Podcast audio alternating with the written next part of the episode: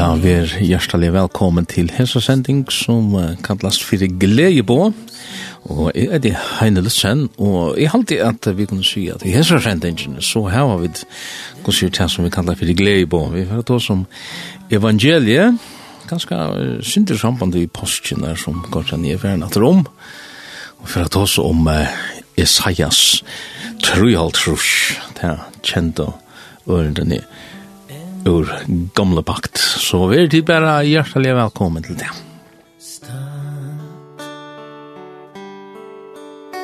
När jag är trött av vägen Och allt som möter mig Men en liv med Jesus. Og alt forendra seg. Ja, grunden til at alt brøytest da vi kom til Jesus, det tog at han tok et drastisk initiativ. Da vi vidt viltast borsta lei som sier vi får hver okkar egna vi så så gjør det god nek, du han elskar okkon. Han elskar i heimen så nek, at han gav sånn så inn, hin einborna. Og um, hva er det som vi sier her, jo, jeg siterer, så jeg tror alt og jeg siterer jo, jeg sneer Johannes 3.16, og hette her er, hette er tjadne ørner, og i glede båskapen hon, og glede båven hon, og i evangelien hon, så det som vi da kanskje har hørsta, hørsta, hundra ferer, kanskje tusen ferer.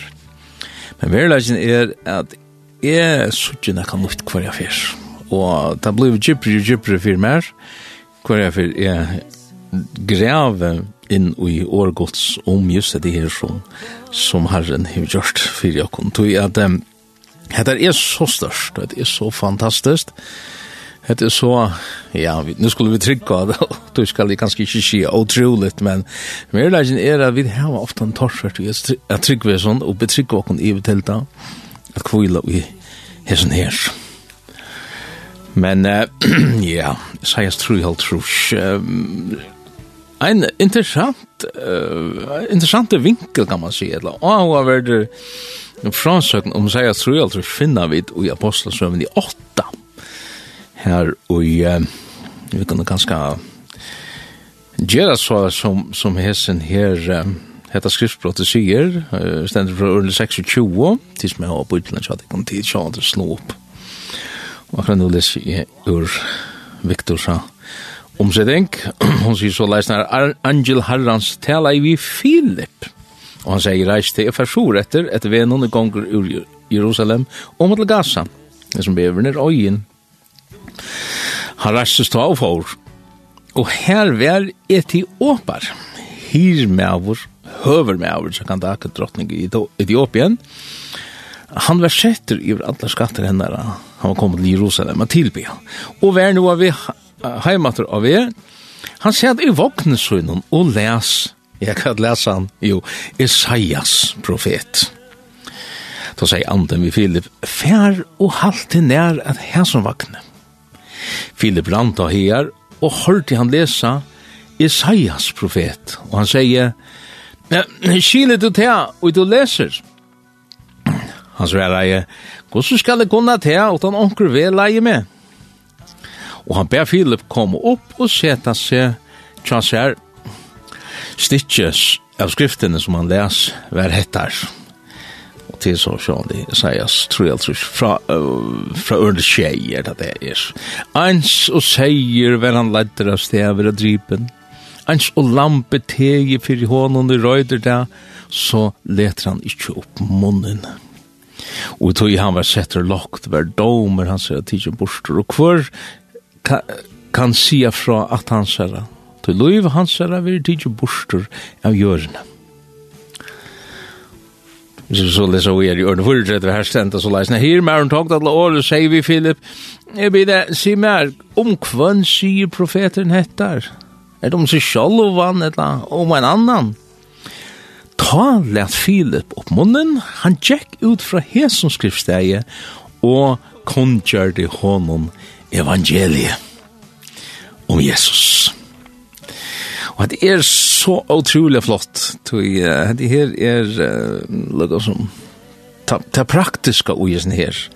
Vi leser i i, i, gamla samentet, og særlig at man leste fri jøten at det her vil kalla for han forbodne kapitelen. Han jøte det ikke lov at, at, at lese Isaias 3, tror jeg. Det er så opplagt om Jesus han som er Guds lam som blev dripe fyri okkon, som ble given av, av god fyri okkon.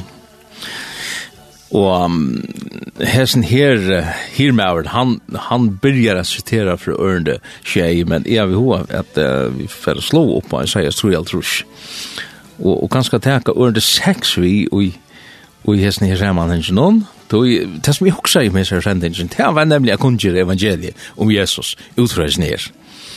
Bara för sammanhangen skilt så kunde vi kanske tidigt under sex det som det som här med åren inte nevnte på en dag han är ganska lista på en fram och undan möjligtvis där vid det switch. Här ständer för under sex vid viltust ödl av lei som säger vi vänder och om kvörsen vi eller kvörsyn egna vi ständer i omkring omsättning. Men Herren let falla og han, altså sonen, eller det her, enda personen som han tar seg om, skyldena og la av okkon ötlun. Skyldena, det er, det er et hebraisk ord som heter avon, og det er, ja, hvis vi tar ikke, jeg bruker ofte han en av årabok som kallas for Strongs, og hun kjønner Strongs, James Strongs, han er skriva, skriva, en årabok vi, vi åra fra greingon til kvart år og i bordene og sånn det nu til og enskon men uh, avan mest iniquity eller perversity altså perversitet ønskaper evil eller sint sin. Og hette er det som Herren lært falla og hette her hentan som vi kallar fyrir lampgods ens og seier stendet da vel han ladder, ans og lampe teger. Og hva er dette for en akka? Jo, vi, vi sjående suttje dette her atter og i og i påska evangelien, i påska båskapen ta Jesus døyr fyrir jokken. han, han verir tidsin, og han verir slien og barder, som vi blåande barder, slien og sarder, syndja vi jo i sin her sanjanon, og Og som bådskapen til okkon, jeg vet at, at folk kanskje har hørt det så negg, og det er, det er så hamra inn i okkara høtt, at vi kanskje høyra det ikke langt. Tui at det er tingene til lukka som det er, det seirar ikke inn meir, etla vi, vi skiljer ikke kvært ui, kvært ui heter er. Men tar man tåsar evangeliet, så må man alltid tås om hva det trovleis. Tui, evangeliet, eller glede bådskaperen om ein frelsare, må alltid setast i samband vi hva er det som skal frelsast, hva, er det som er og nei, det er jo det øvete av, av frelsene, det er det som frelsan hever som, som endamål at bjerga ur nei, hva er neien, hva er, hva er trobladjen, hva er synden og hva som for. Jo, Adam, Adam, Adam var oløy. Det var ikke bare det at, at Gud sier du skal ikke ta surrøvler, men det var mer enn det. Uh, det var olutten, og i grunden en opprøster som uh, var syndafall. Det, fall. Var ikke løyen, og vi skulle komme inn på denne lutten om man har løyt. Uh, Tog er menneska, hver, hvert menneska som er etkommer i Adams, tog det er vi jo alle, Hvis Adam er er okkar fyrste forfæir, Adam, han og hon, og han som sætten ble kallar vi Eva. Hvis tarra synd får ut tarra gener, inn i tarra gær, om man så kan si, inn i tarra hjarta, så, så har vi et arvet her. Og hver andan personer gjer tingene på sin egna mat, sin egna mat crooked crooked det er et engst uttrykk som heter fordreia. Det er crooked det er det är det er mitt andra det som som la la och jag her här som av vann. Det kommer av to i snä hendan hendan skilten og hvor gjer tingene på sin egna mata åt omherran. Og det kunne de så se med det vi, ja, men hvor er Herren? Jo, Herren er jo konkurren. Han er jo god som sier til såles og såles det skal være. Men synda fattelig er, jeg vil gjøre det på mye måte. Jeg vil ha mye egna kongarutsk. Jeg vil, jeg tror ikke jeg lurt etter her. Det er jo det som er trobleisen. Vann viringen av herradømen. Det er trobleisen. Det er forboging og løsningstræ, og det er bare bant til kunnskapertræet at gjøre inntaket til som teia og hod til. Og ja. Hentan her, hentan synten, hette her er sinten og skilten som Isaias tåsar om. Og skilten, hon blev løgt av Jesus Kristus. Og, og hvordan fungerer det? Jo, det, det ligger så øyla negv i deia Kristus her. Det ligger mittel anna at tøy du syndar, eisne, og vanligare loga og i mot staten hon, ja, men så, så skiltar man, så skal man rinta båd, man skal bøta for sånne miskjer. Og til antina missa køyrekort, etla a sida ut tvei år fangsle, etla kvett no enn, og refsingen fyrir hesa miskjerna er. Og så lesna, så lesna erta, eisne, ui godsruik, eisne, ui tui, ut i evige, ut i andlige, er at opprester han vil dømter. Opprester menn vil dømter. Og hva er opprester menn? Jo, tid er. Jeg er fødder, mitt. Det er en arvor som jeg har. Uh, en, en belastninger i, i min arvor. i, i min genon, som uh, det blir kallet for dare etborer som arvar vær, vær profeteren om. Og det och och då er det kvitt her, jo vid vid um, ja vid har overast av tronene in i ojakon ein dara som sier herra i er, og det skal være som jeg vil og som jeg sier. Onkel kallar det for egoisme, onkel kallar det for uh, sjolve, egoi, som, som, som vil roa seg sjolven. Det er grunden et uttrykk fyrir hessin her, hessin her syndene. Men Hvor skulle Jesus dodja? Jo, det var fire, for det første, at teka sinta skuldina av seg.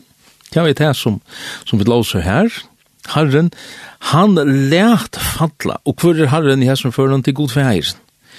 Han lært falla hessi her skyldina fyrir hendan oppreisteren, og fyrir alt det som oppreisteren omboar, og, og hva, hva det fylgjer vi hessna oppreisningen, det er nemlig synd, det er perversiteter, det er, det er at vi fordreia matan at gjera tingene jo på så løsner, vi gjera det okkar egna vi.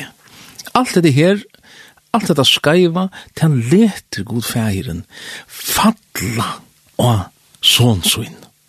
Hvor er såneren? Og jeg som fører, ja, det er, det et mysterium, men i verleggen, da vi leser om Jesus, så er han god.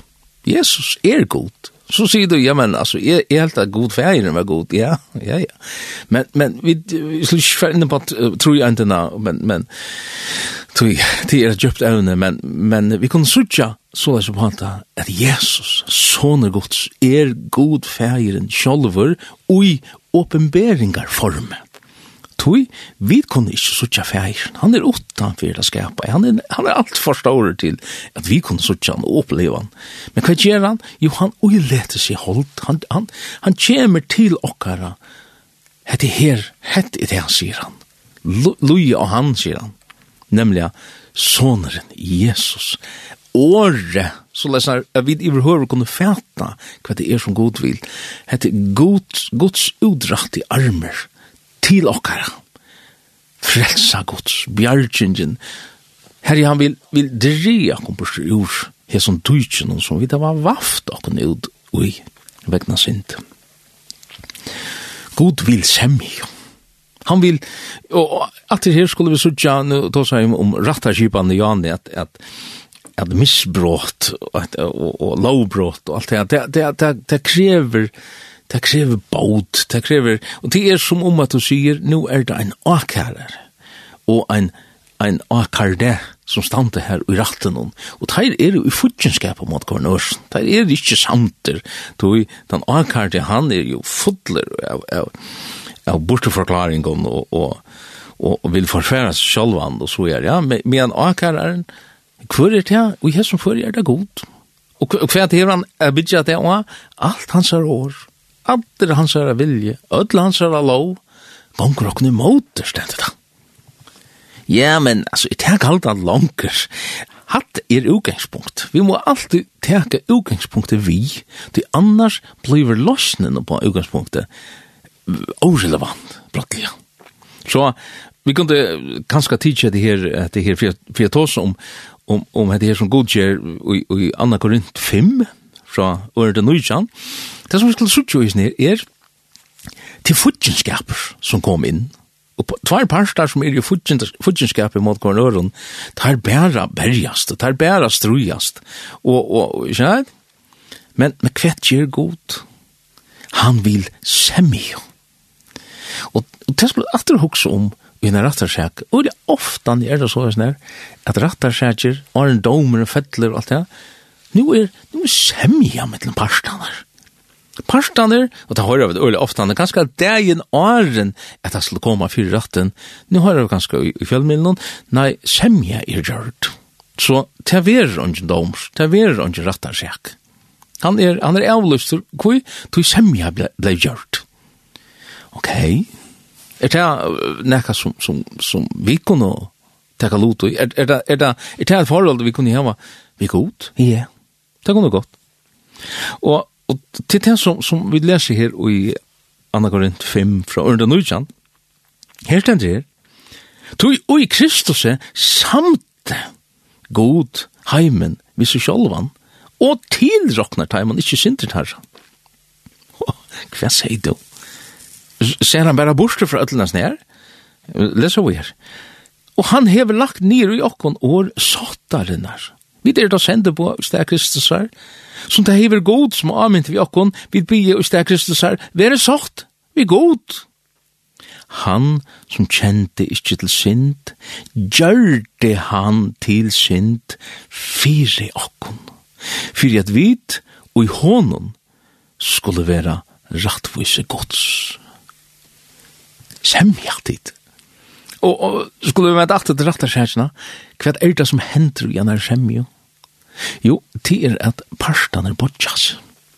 Tan, tan støvan som han heier, hvor skjer, ja, men, jeg halde det er så, og, og hin sier, ja, men, det er ikke så, det er på mye måte, parstene er bortjas. Og det som kan henta, ui, til evja, det som hente, ui, til evja, vera parstene bortjas, tid. Ja, men god kan ikke bortjas. Det blir ikke til at, at god feir for, for at innrømme det at, at jo, hva skal han gjøre det? Han gjør det genialt. Han bøkte seg ved Golgata dit.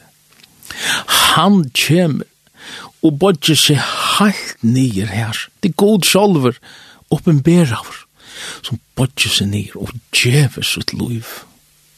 God bodger seg ved Golgata dit. Ja, ja men, hver skal jeg, hvordan skal jeg så, ja, du skal eisne bortjatt. Bare parstar, det stender her, bare parstar.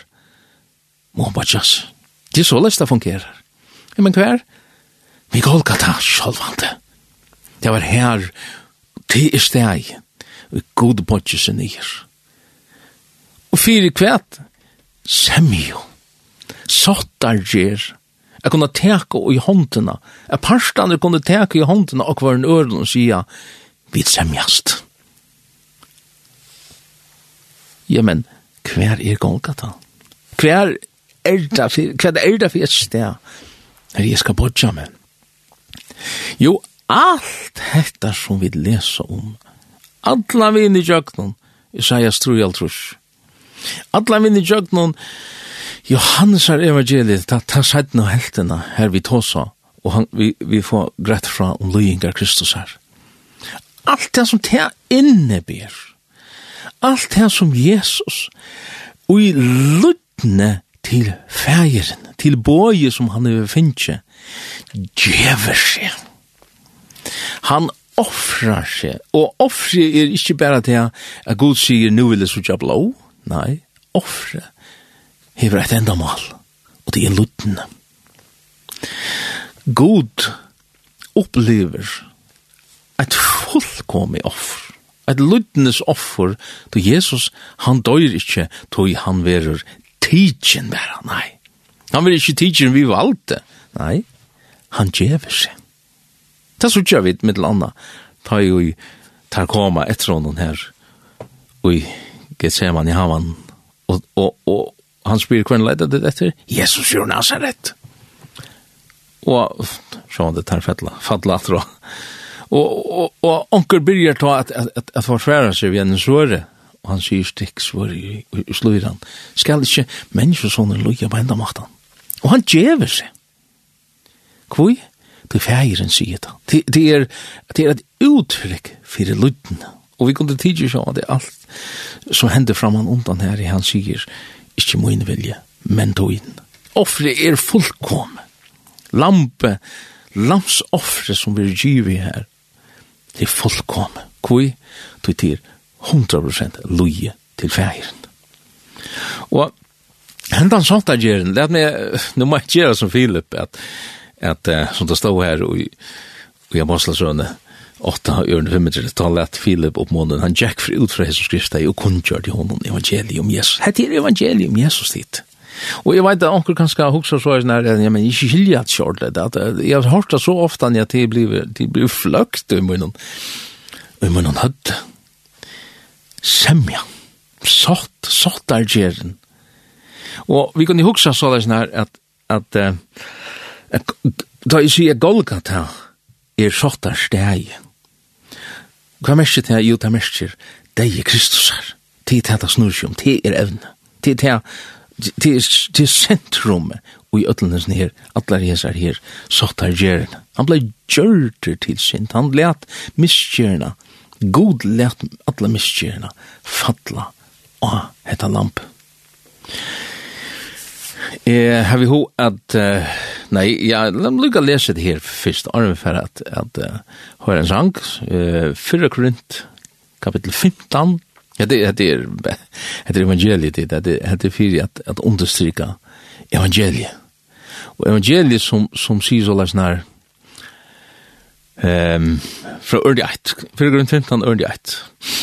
Här säger Paulus så läs nær, är sete fram fyra kom kombröver evangelie, altså gleibøyen, som er kundgjør til tikkun, som dit eisen tog vi, som dit eisen stand ui, som dit eisen vera frelster vi, om, altså, Ja, onkel sier så satt som tid halda fast, men det er veldig kan til en treita, til et om tid halda fast vi årene, og jeg kunngjør til tikkun til, og annars tro til åndkjus annars tro tid til åndkjøs. Det er si vi må halda fast vi er det her. Kvært? Han sier her, tog jeg lærte til konstant det første, som, som er eisen i havde ikke vi, er at Kristus døye fire sinter okkara. Etter skriften.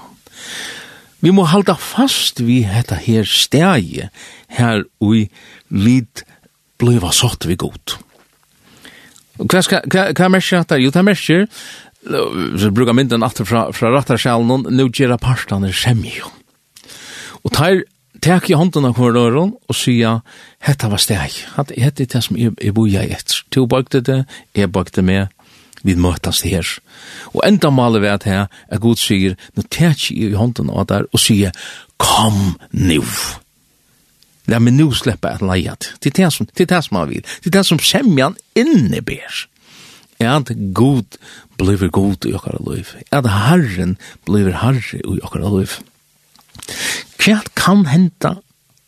Jo, det som kan henta, det er at vi, vi betrygg okkon i virkeligens semjena, vi, vi tek i håndena, vi bantj okkon her, og tek i håndena og sier, noe semjas vi, to hever rakt, og, og, og, og så er det, men, er vi ta, byrja svitja, og ikke halda fast vi årene, det er det som står her i, i tvei, ja. at det ikke halda fast i årene i det, og annars tror det til åndkjes, Ja, vi, om man så kan si, etter at her var bakt og vi Golgata, reisa okken opp atter, og færa sted og sia åh, det var godt, det var fantastisk oppleving at kjenna til at kvært, jo, synten, hon, hon, jeg blei rattvurskjørder, og alt, jeg skulle komme inn på det, men jeg løte hva det henter, og vi satt av gjerne. Og, og det har føles så øyelig vel. Så nu kan det fære ut at du løy og gjør akkurat som vi vil, bare vi hans her hæsar syndabyrene lattar. Ha? Her kjent til de tro til åndkjus.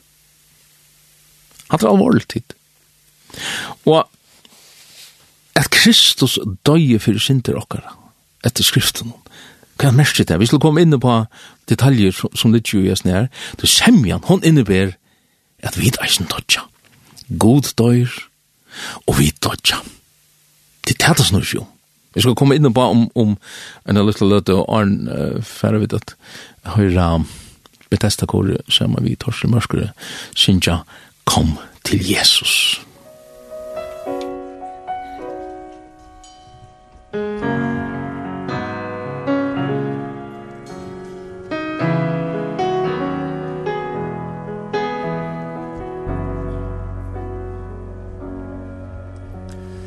Sarde synda trælur Fjärsta vanda ved Har Jesus kavlar inskir hitta te?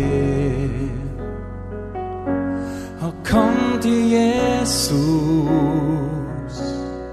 Kom til Jesus Kom til Jesus.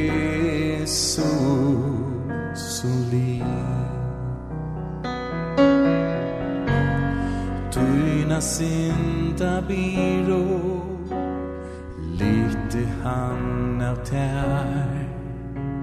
Og vi hans blå blåe synd Vi røysa vær Så syng til Jesus.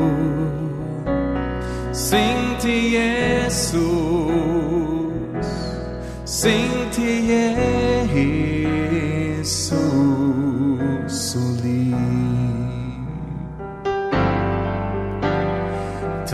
som bat stetlar Tøyne fest og sti Og om du fædlur minst vid snava vi Kom fadla Jesus Fadla Jesus.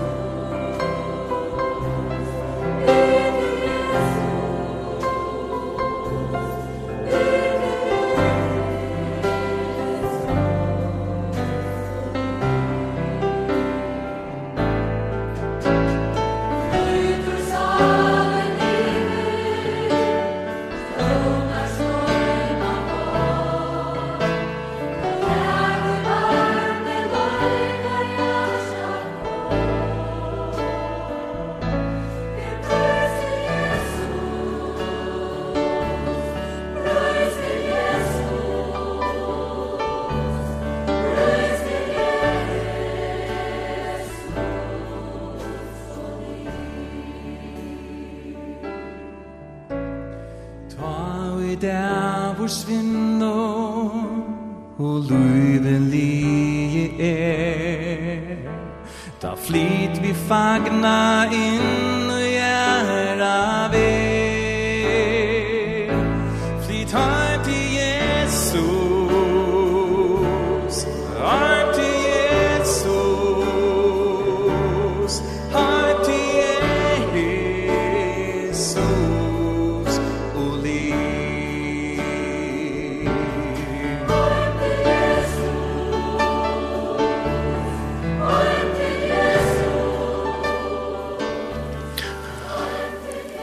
Parker er sammen vi Bethesda-gården, synger her Kom til Jesus.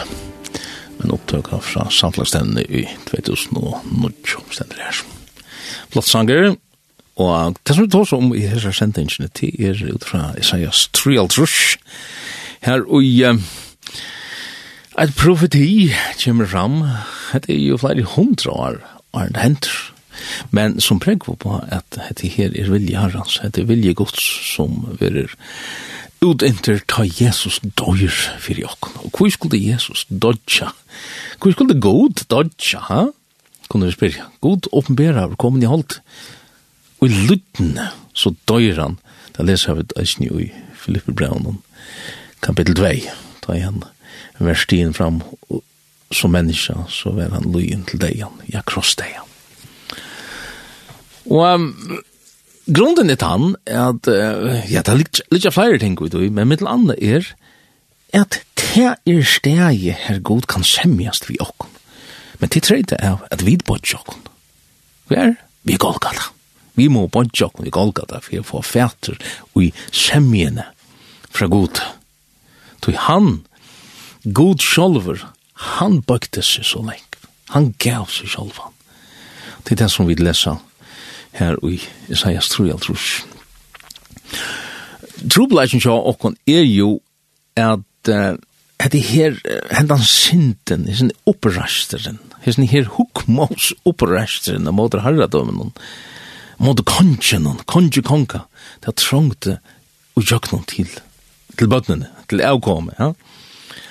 Og alt det som det omboer, så det er sånn opprasteren vi for, så det synd, at, at vi færre bare ut i synden og, og Det ble jo gale tjokk at til at vi røyna at strujas i egnar meie. Og Israel blei eisen, eisen røynt. Israels folk, det sutja vi jo gamla som vente, det blei røynt. Gossa, jo, på en måte kunne du seta sporen sin, kvui kjem Jesus ikke bare beina vegin og løyse trobelega. Beint at han synda fatle, så kan man si, ok, nu, la meg ordna det her. Jo, i grunden gjer han til, nemlig god som klær i deg i kinn. Han dreper en lamp. Men det gjør han som en, en fyrboan til hetta lampe som skulle drepast. Kors blå skulle ut hedlast. Men så kommer han vid loven. Hvor kommer han vid loven? Jo, det er tog at synden var lovløse, etla, jeg vil ikke gjøre som du sier. Og hva er det godt? Han lukker som skjer det ut i papp at, ok, nu, nu, nu skal jeg vise dikken til hva det trovleik. Jeg skal vise til Adams naturene. Hun må lære til at hun kan ikke forløse seg selv.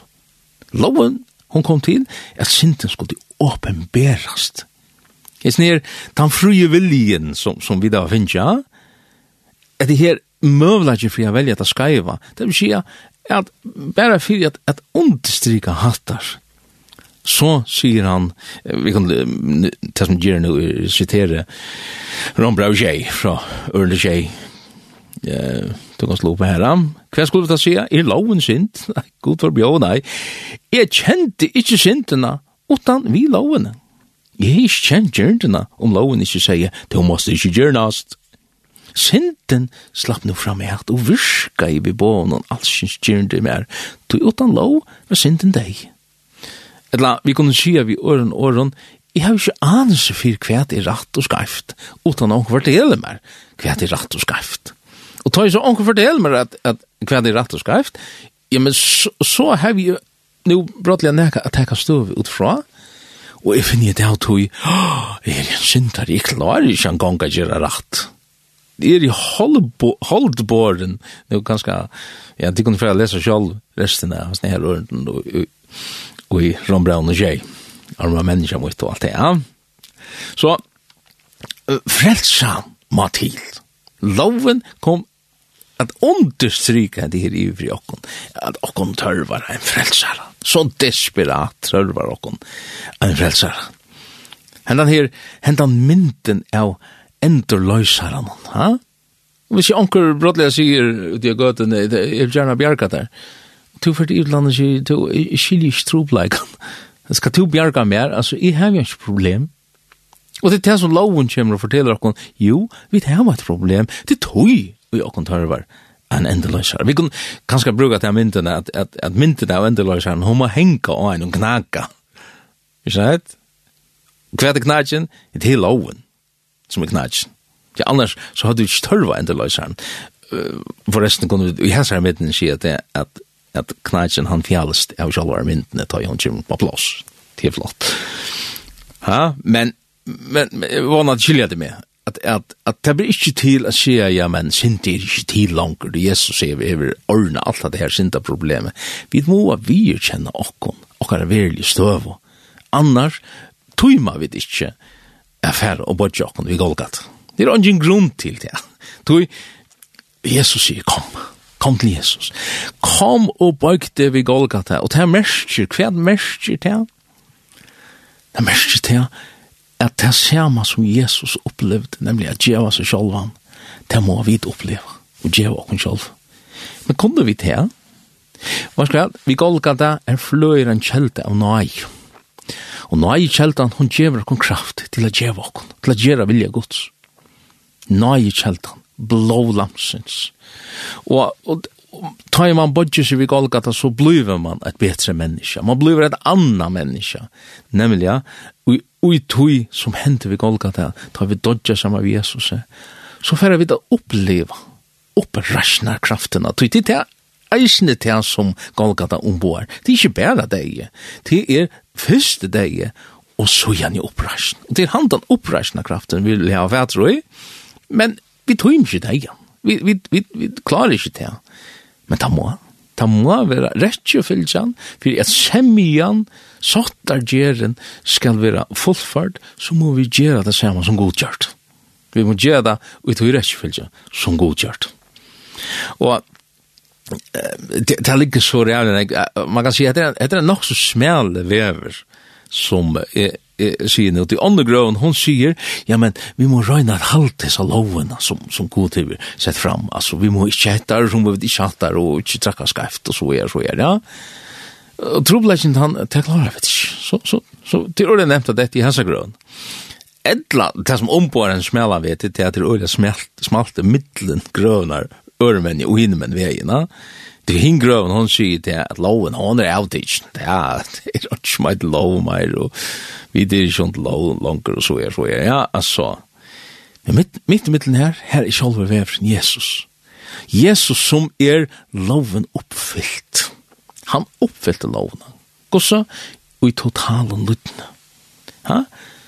Lydne til, til, til, uh, for å tenke at, at skriftet som sier så, lydne, lydne er bedre enn offer. Ja Tog loven, hon sier, og kravde, hon, hon kravde offer. Hva sier Jesus? Løtna. Jesus er hettar offre, og i ber om løtna. Han djever seg iver, det som vi sa til Jane, det som vi leser i Isaias 3, og i løtna så djever han seg iver.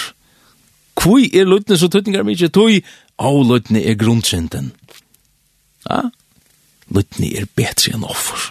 Så tan tan fyrra gröven av enon att är man halta låna och så må jag bara ge ett sorry offer så må jag ge vad heter och hatar jag känner nu ända vid ju de jöta damen va som inte är vi trygg och i mån till Jesus säger betrygg te i vitl moin Gjev tutt loiv i vitl moin Det er som trygg vi er Det er at loida sig iver til hans herra vald.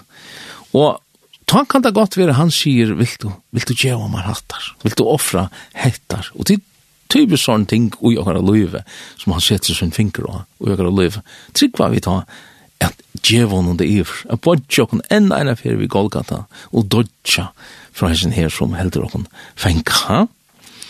er flott, det er halde jeg. Så enda mal vi, vi offrer noen, det er om man så kan säga prov provokera lyttene fram och jag.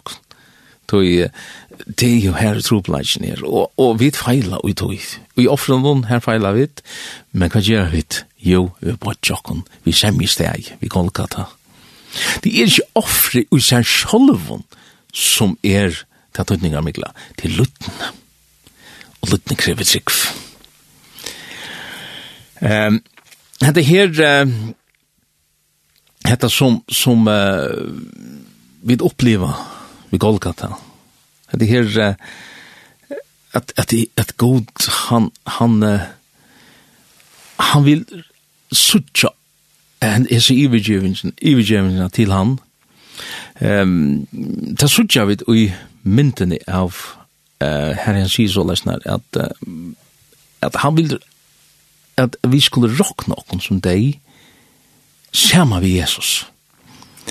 Og kui kui er deien, Jan sier det her at at at, at god dag og tøy må vi ikkje nok. Kui kui er det så tøtningar mykje. Tøy god han er lever vi alt ham. Han han han flatt Adam flattast ikkje vi ta ta ta nittar ikkje at begynna at, at bøta og på Adam og fortelja noen at nå må man aldri begynna å der pent. Det er som at, at fortelja en gruser til at, at nå må så røyne ikkje at dolka det så ytla og, og så begynner man henne og så kan man sløyfe om, om halsen og Einast maten til er at drepa. Til er at vi råkna også som deg vi Kristus. Toi, ta kjemer etter her nudja Kristus er luive, at reise opp i okken. Vi blir et annet menneske. Vi blir født av nudjon. Et av nudja menneske. Hesten her, sædni Adam, vi er nesten kallar fire. Han er jo perfekt, og han er jo alt lytten som skal til, og han er, er offre, han er offervilliger. Han er viljer at offra hva det skal være. Det hever han prekva og Golgata. Så, så det, det nytter ikke at, at pynte på gamla, på gamla Adam, men Det nyttar bare eit, og till er drepan. Og det här godt. Og, og altså, andelige henter jo ju det här tar vi bort jag vi Golgata. Ta er det. Ja, det er gamla människor okkar, vi rokna som det og vi kunne rokna och at liva et ett nytt slä av liv, nytt av livs. Samma vi Kristus, eller ui Kristus, for jeg bruker til rätta uttrykk. Det Adam, han, Adam klarar ikke å oppfylla lovene ferdigt. Altså, det er, hon kan bare oppfyllas om vi det er så, og i Kristus, og i Adam. Eh, God, han, han god ikke bare Jesus. Og han god ikke bare Jesus og hans er avkom. Det, nu, nu kunne vi ikke sitere Jeg sa jeg Isaias 3 aldrus. Vi halte det i hendet sendes endis li, skulle for å lese alt Jeg sa jeg Isaias 3 aldrus og i jøknon, då jeg tåsar om at det her avkomme som, som, som han fjær og i arv. Og til vid, ta i vid hava bakt okkon vi Golgata. Og det krever trygg, vi gjør det vi trygg, Ehm jag vill hur läsa Rombra 6. Nej, om sig där Rombra 6 och 6. Vi var Rombra 6 6 ja, men skulle lucka tacka tacka under 6 vi där passa till og hesper for men her stendt her. Men nu er vi lost fra lovene, vi til er vi jo er deg fra tog som fyr helt av fenka. Så vi tjena av nudja hot andans, og ikkje av gamla hot bøkstavsins. Jeg vet ikke om det skiljer det her. Sammanhengen er, loven er ikke avtidgen, det er bare maten at ut innan loven oppa som er brøtt. Man kan færa seta seg vi lovbogen og sier, nu må jeg hettar og nu må jeg ikke hattar. Og det er bare ikke til, du, du, du snakker jo vi gamle Adam da, ha? Hin maten, det er å dodja sammen vi Kristus. Det er å råkna seg deg sammen med honom. Hver gjerst du til? Vi kolka Vi semje stegi, her god bodje seg nye, her vid eisne kunne bodje okkon, her får vi kontakt.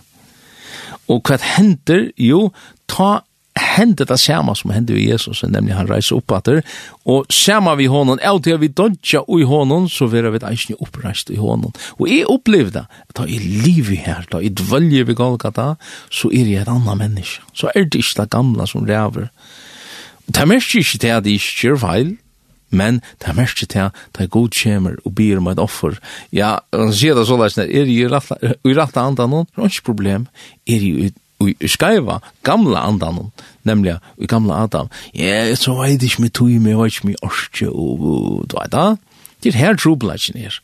Trobladjen er at at det her ui okkon vi vi vi plava ja sind jeg veit skus tu hevet Er du plava av sint, alkohol og, og gyrnt og slæter ganske til hevesjuka. Altså, det er alt så som, som, som år gods er ikke nye nødja sement. Vi snakker ikke bare om, om det at loven er gamle sement. Det er fullt av et løsning her om, om hevesjuka med landa og, og nødja sement.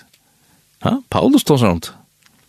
Ja, men altså, jeg spør menneskes litt, jo, det er akkurat det som er troblasjen, det er det som jeg har sagt alle togene, Ja, det er menneskes litt, det er adamst. Det, det ligger i genen og noen. Og så kan man säga, ja men altså, vi klarer ikke at, klarer ikke å stekke oss ner. Og, og her kan man så se at en, en interessant spørning er, er tunn synd større enn hela janten? Ja? Det är ikke att röjna, eller blöva lika öser, eller betala avlat, eller täcka sig samman och röjna, inte syndas, eller ikke, inte syndas så illa kan man säga. Ja? Nei? Det är at, at, at, at, djeva sig iver av Golgata bodja seg nir og liva og dvalja her, te er svær. Og, og det som mange som, som opplever det her, og, og det er ganske mange som har opplevet det, men har var glemt det på en måte. Det, det er alt det, ja, nu, nu, nu er nok, altså, skjer det, nu, nu, nu jeg ikke meir. Hva skal jeg, han som byrger godt versk, og i tikkun, han skal eisne fullføre det. Men det er treite av. Her i løyven er det treite av at du dvøler vi semjesteg, Golgata. Det annars blir det ikke til. Annars er det sånn at det er at vi da var hårst og gløyma den. Ja? At det er at vi da var trod lunches, så, så det som vi lås her, og i 4 Korint 15, annars tro tid til lunches, sier han her. Ta i og i vid bodja kom i Golgata, så, så bleva vi nudge mennesker vi uh, vi faktisk flyta inn i et annet rike. Vi lukka tacka att skriften säger at åren Og vi får enda hese sendingen at hun er langt og kom som vi lengt til er kolosserbrevet. Nå får jeg lese her i kolosserbrevet noen 8 fra ørende 13. Adam, han bor i en myrskursens rujtj. Sinden gjør det da. Han ble tvætter ut ur ljósen og Og det som hender er til at god ser okken, han elskar okken. Og han elskar okken så nek, og han gav seg selv, og han gav sånn sin. Fyri er kvart han som tror av han, skal ikke fortapast, men det er av et liv. Og til å lese vi, hvis vi teka til døm fra ørende 13, og kolossbranna, et her stendet er at, at, han reiv okken fra valde myrskursins, og flott i okken inn, og i rujtje elskaja sonarsjons. Og i hånden hava vi endurløysingsna, fyrirgjøving syndana. Og at det her, enn den endurløysingen, så øl, øyla, jeg har kanskje ikke vært snakk inni på at jeg, og jeg ser sendingene, men, men det er øl at tøytingar mitt, tøy uretta som vi tåsa om Janne, hon fungerar så løsner at, at her skal en refsing til, hva er refseramman fyrir en syndara? Jeg tror blækken er sånn at, at nær er vi li at, at sita av domen, og, og, og, og tostene kunne vi virja Det er så, det er så god eisen. Så hva, hva gjør god? Han endurløyser okkon vi at leta refsingina falla av seg sjálf. Og sånn sånn, Jesus, hetta lampe som vi låser her, i Isaias 3, ber sinta skuldena, sinta refsingina av seg. Og vi får fyrirgjøving. Vi bliva rattvois gjørt og vi blå i hans her. Ja? Um, hvis vi ganska lesa enn her i, i Kolossbrannen 1, så hoppa helt ned til årende 22, her stender her, Tykkon hever han tånd og gjørst sottar og i holdslika med hans herra vi deian for jeg fyrir at jeg kom fram for jeg åsjans og ina heil og lydaleis og lastande. Om tid vera verandi ui trynne, grundfest og fast. Ja, hadde treita. Treiten fyrir jeg får fætur i sin her er å vera verandi ui trynne, grundfest og faster, og ikkje leta at det kom vika fra vånen i evangelien som tid har hårt, og som er prætika fri ötlundskapningen under himmelen, og kors tænare er Paulus, er våren det som sutt jo i oss nær tid, det er at du skal ikke halda til at bæra, bæra, og ikke ha segjen, at du eina for, har møtt Jesus, at så er alle problem lost. Du måst dvølja ved Golgata. Du måst halda fast, vira verande, og i trunne, og hessen her, stjernom, som god møtte der. Det blir ikke til at du at han og du har gjort semjen av god, sier, ja, men hatt var funt, vi takkar fyrir, takk fyrir strui, og, og, og, og farvel. Nei, det er ikke farvel, ta. Du, han teker ut en hånd, og han sier, kom nu. La meg nu leia til. hendan vegin. Vegin som eiter, det som vi låser her, heila leik. Og a vera luitaleis og olastant. Gosse kan man det? Gosse kan jeg bli og lyta leser? Ongan feil, ongan neka. Jo, det er vi at dvølja og jesen her. Det er genga og jesen her andanon. Jesen her heila i andanon som eiter Jesus, som gav seg sjolvan. Tu skal jeg eisne djeva meg sjolvan. Vi trygg, dette krever trygg. Tryggen jo, hun blir rønt, hun blir avprøva. Hun, uh, Några som det kommer upp av och som säger, nå, hva, hva vil du nu? Da er bare et svær, herre, jeg vil du en vilja. Jeg vil gjøre meg en enn affær. Jeg vil dodge som han vidt her. Det er typisk, og i røndene som vi, som vi, vi ganger og gjør noen. Ja, men trygg, hva? Det betyr bare trygg på Jesus, ikke det? Ja, kvært, trygg kvært på Jesus.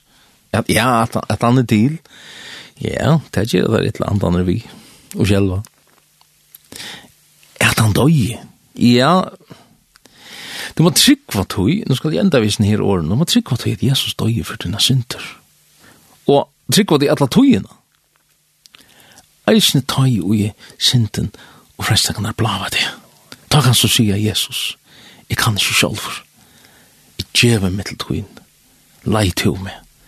Og det her er, er en løsning av det her, at at genga i andan, at liva i heila i andan.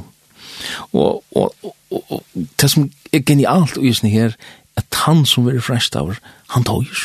Han, han er deir, du er deir i vi fire frestingsene. Og så der kunne vi citera Paulus, i dodge kvann det, atla tøyene. Ha? Kui, tøy blei frest av, men da er flyttet til etter lampe Hetta offer, offer deg av Kristus, ta i enn enn fyrir fattel vi Golgata. Nye vi krossens fot, så kunne vi suttja kon deg saman vi Kristus i uttrykk og i fudlen alit av Jesus.